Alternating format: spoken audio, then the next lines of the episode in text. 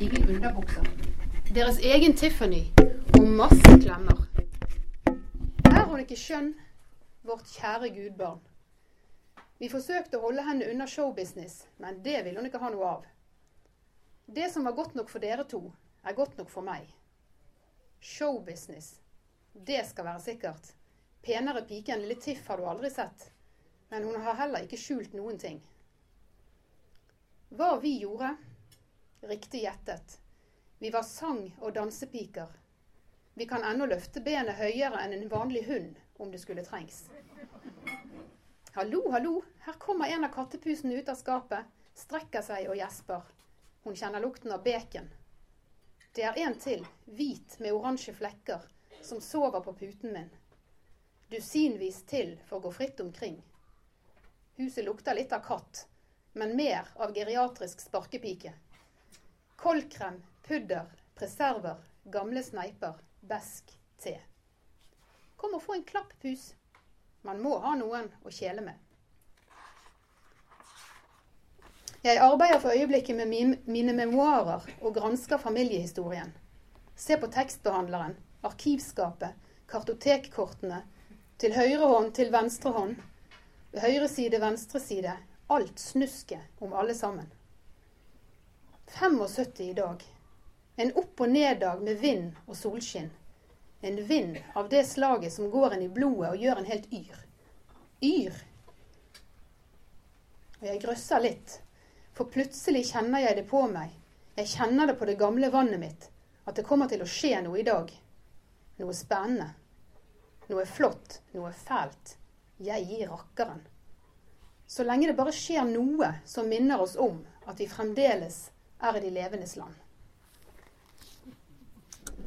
Og det som skjer denne her skjebnedagen, det er at Dora og Leonora Chance, 75-årige sparkepiker, mottar invitasjon til å delta i sir Melchior Hazards 100-årsdag.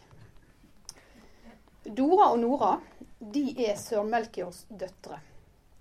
Eh, Riktignok ikke med noen av hans tre koner, og heller aldri anerkjent av han. De fleste tror at Dora og Nora er døtre av Melchiors tvillingbror, Peregrine, siden det alltid var han som tok seg av jentene. Og Nå skal vi høre fra en utflukt som Dora og Nora, Nora gjorde til Brighton da de var 13. Og da kan man tenke på at dette her er i mellomkrigstiden. De vokser opp etter første verdenskrig, men før andre. Og da husker dere disse flotte bildene ikke sant, med disse fantastiske klærne og alt som skjedde i Brighton med orkester, og folk reiste der for å bade og sånn. De reiser dertil sammen med Peregrine og bestemor som naturligvis ikke er deres egentlige bestemor, men som er den som oppdrar tvillingene etter at moren deres dør i barsel.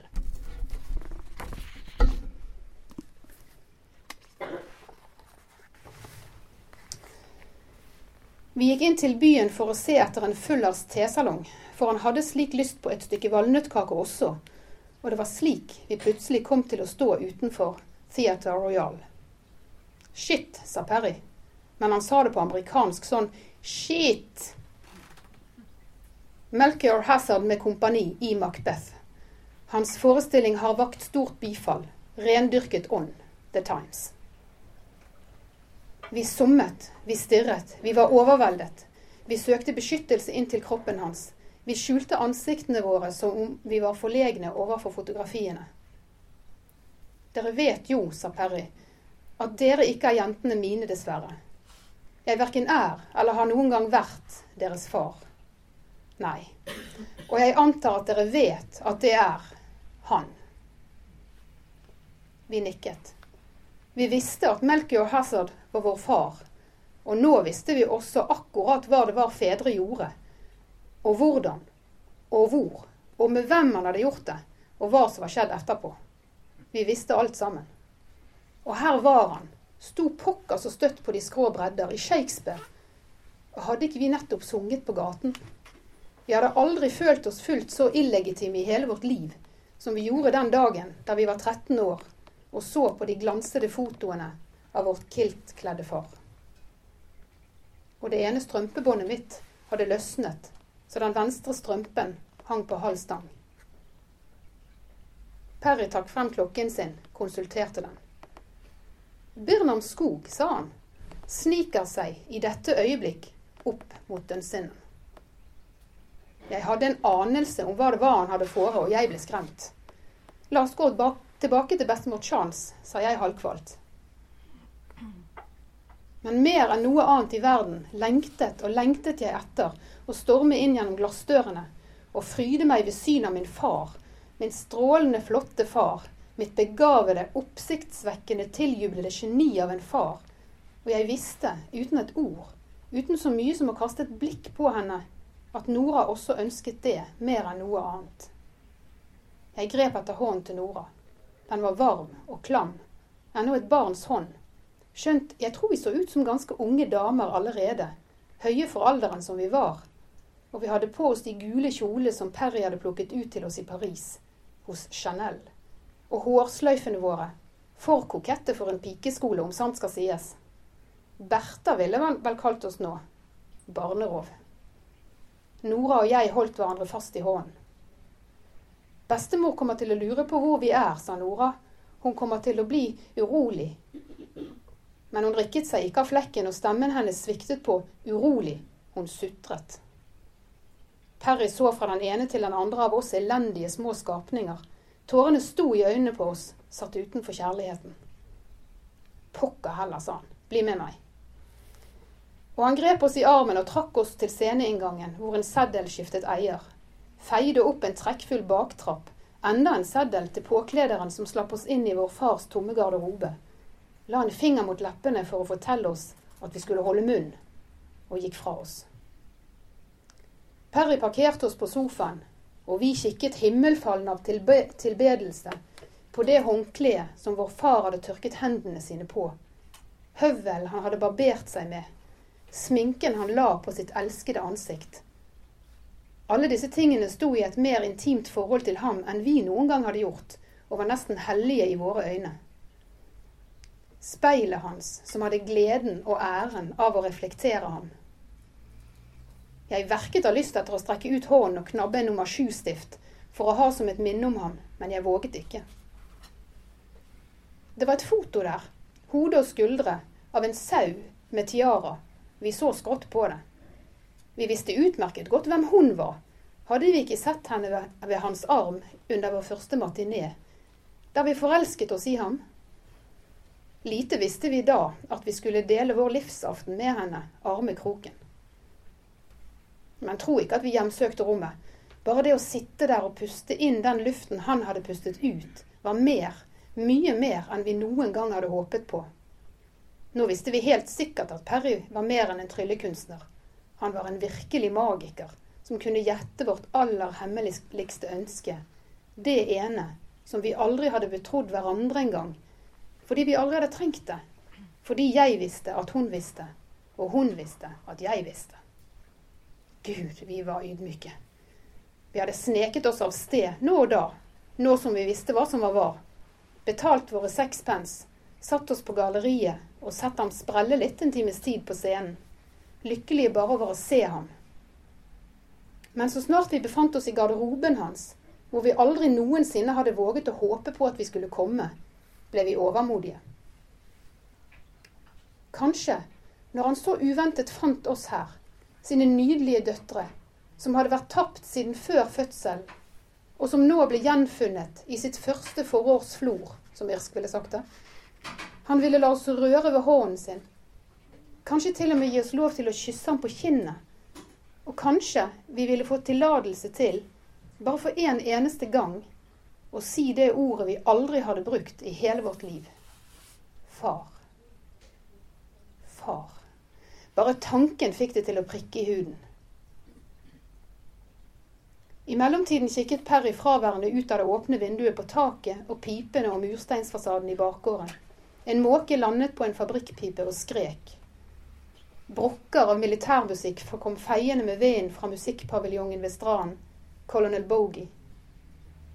Han trommet med fingrene på vindusbrettet. Hvis jeg ikke hadde vært så svimeslått og opprømt over utsiktene til endelig å få møte ham, ville jeg kanskje lagt merke til at vår Parry for en gangs skyld hadde fått betenkeligheter. Og om jeg det hadde gjort, ville jeg kanskje bekymret meg mer over vår velkomst. Men jeg var for overveldet til å legge noe større merke til det i øyeblikket. Det var varmt og tett i garderoben. Vi ble fuktige i armhulene. Plutselig måtte jeg tisse. Enorme bølger av applaus skyllet gjennom den gamle bygningen, og da de la seg så mye fortere enn vi hadde forestilt oss var mulig, slik at vi ikke rakk å forberede oss i det hele tatt, som om han hadde fløyet fra scenen til garderoben på løpestreng, sto han der. Han var høy, mørk og flott. Gud, så flott han var den gangen. Og lekre ben, hvilket en mann må ha for å spille Shakespeare, særlig det skotske stykket. Man må ha gode legger for å vise seg frem i kilt. Jeg tror nok vi har bena etter ham, akkurat som kinnbena. Og jeg tisset faktisk på meg da jeg så ham, men bare lite grann, nesten så det ikke syntes på sofaen. Slike øyne, Melchiors øyne, varme og mørke og sexy som innsiden av en London-drosje i krigstid. Øynene hans. Men nettopp de øynene, de kast trusene, løsne på bh-en der bakerst på galleriet-øynene, ble den bitreste skuffelsen i mitt liv til da. Nei, i hele mitt liv, både før og siden. Ingen senere skuffelse har noen gang kommet opp mot den. For øynene hans, de så på oss. Men de så oss ikke, selv om vi satt der og blusset fordi vi ikke kunne annet. De hjelpeløse munnene våre begynte å smile. Å se at han unngikk å se oss, fikk strøket smilet av fjeset på meg, det skal jeg love deg, og Nora også. Vår fars øyne gled rett forbi, kom aldri i nærheten av oss, unngikk kontakt. De falt til ro på Perry. Peregrine, ropte han. Stemmen hans gir meg ennå i dag ilinger nedover ryggen. Plutselig dukker han opp på fjernsynet, stopper tobakk i pipen. Fyldig, mørk, utsøkt. Ja, det skal være sikkert. Han rakte ut hånden for å hilse på Perry, og Perry alene. Peregrine, så hyggelig av deg å komme og hilse på meg. Og da, først da, fikk vi vår lille smule oppmerksomhet, skjønt han rammet oss som en samme kule gjennombåret begges hjerter. Og så har du tatt med deg dine yndige døtre også. Jeg husker, selv om jeg vet at det ikke kan være sant, at Peregrine slo armene om oss. At da vår far fornektet oss, slo Peregrine ut med armene, som mektige vinger, og samlet opp de foreldreløse jentene, trykket oss til seg så vi krøllet vesten hans, skrubbet oss opp på knappene på bukseselen hans. Eller kanskje han puttet oss, en i hver jakkelomme eller presset oss langt innenfor skjorten, mot sin varme, myke mage, for å gi oss kraft ved sitt bankende, trøstende hjerte. Og så, hoppla, gjorde han en baklengs salto ut gjennom vinduet med oss og frelste oss. Men jeg vet at jeg dikta opp baklengssaltoen og flukten. Men, og det er sant, det han gjorde, var at han rakte armene ut mot oss og vi styrtet hodekuls og klinkende i havn. Det er et klokt barn som kjenner sin egen far, hveste Peregrine som en sigøyners forbannelse. Men klokere er den far som kjenner sitt eget barn. Og Her har vi altså bokens tittel, 'Kloke barn'. Eh, det er et klokt barn som kjenner sin egen far, eller som kjenner sin far.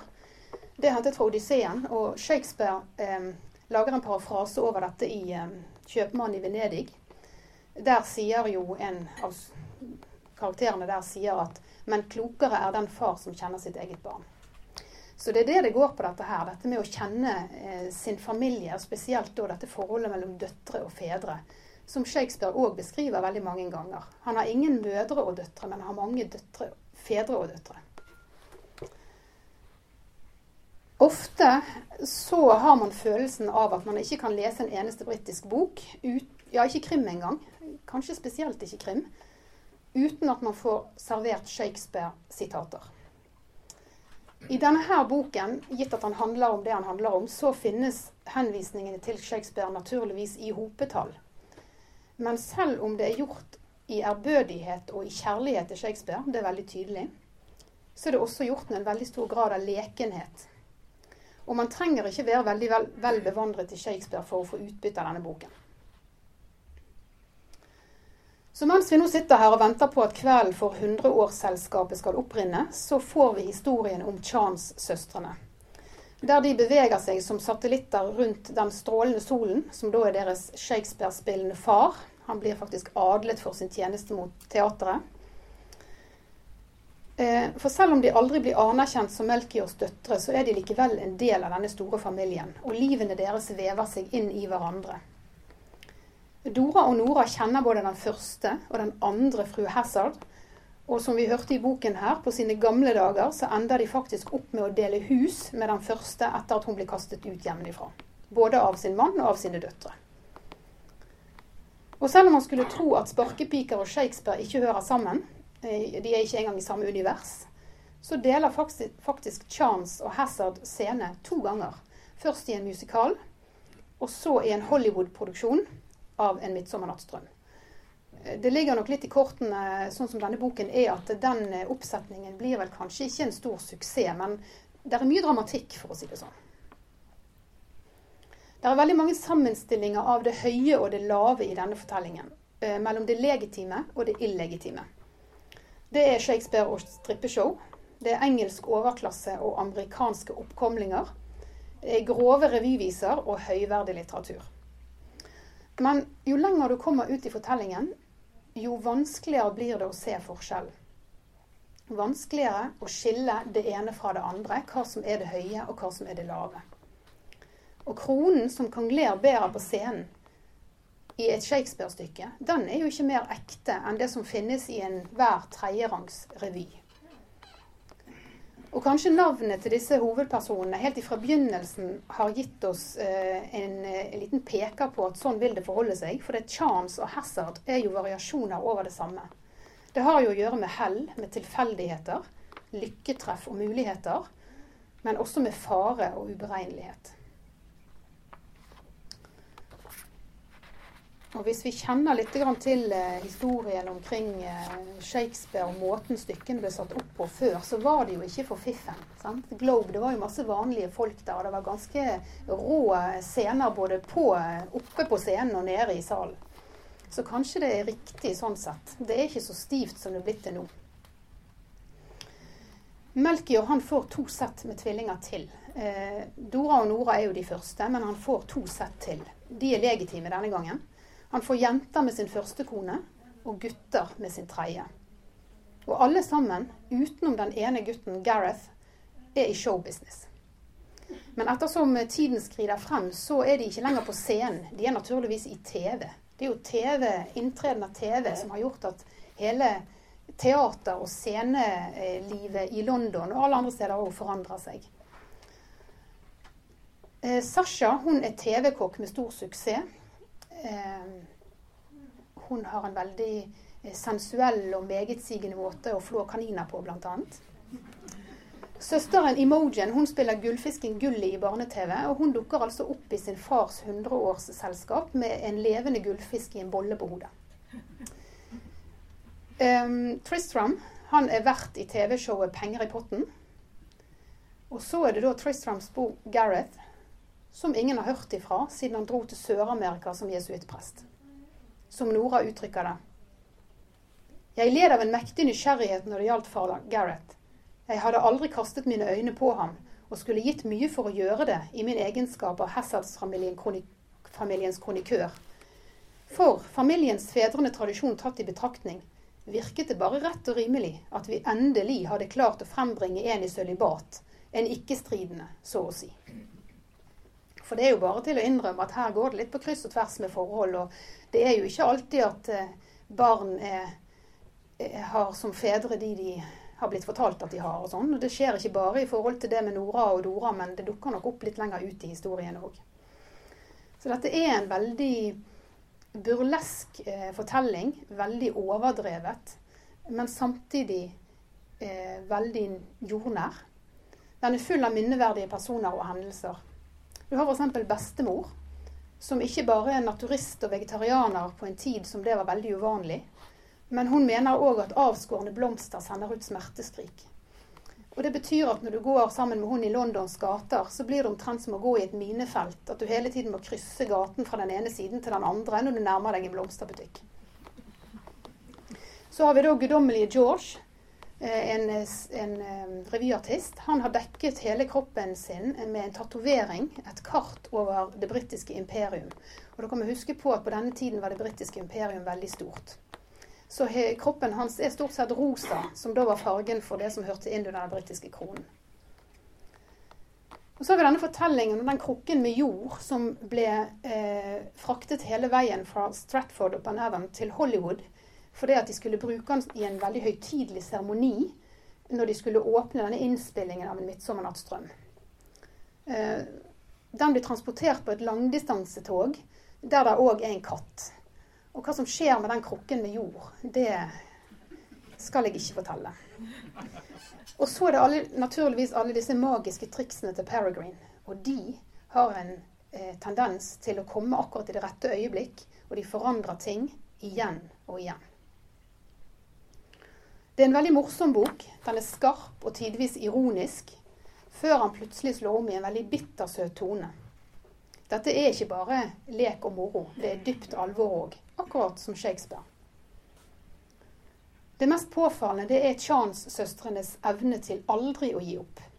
Selv nå, når de er 75 år og de doller seg opp, og de doller seg opp altså, for å gå i sin fars hundreårsdag, så er det denne her faren som aldri har villet vedkjenne seg de, og de holder fast ved sitt credo. For en glede det er å danse og synge. Jeg hadde veldig stort utbytte av denne boken da den kom på begynnelsen av 90-tallet. Da jobbet jeg i bokhandel og pakket den opp av esken og så på dette omslaget med disse to eh, flott danderte sparkepikene. Og eh, tok den opp og leste den. Det er en veldig livart fortelling, så den er veldig sjarmerende pga. det. Men som dere har hørt, så har han et veldig spesielt språk. Veldig muntlig, veldig fleksibelt språk. Og den er godt oversatt av eh, Bjørn Alex Herman, denne norske utgaven. Men nå når jeg valgte den for bokprat, så må jeg si at den fikk en ekstra dimensjon for meg. For da var jeg på nett og sjekket. Og da fant jeg ut det at forfatteren, Angela Carter, når hun skrev denne boken, så var hun diagnostisert med lungekreft. Hun visste at hun var døende og skrev denne. Dette ble den siste boken hun fikk utgitt. Hun døde som 52-åring og etterlot seg mann og en ganske liten sønn. Og da synes jeg at Chance-søstrenes motto får en dypere betydning. For det at man forstår at det har ikke kommet lett verken for de eller forfatteren. For en glede det er å danse og synge.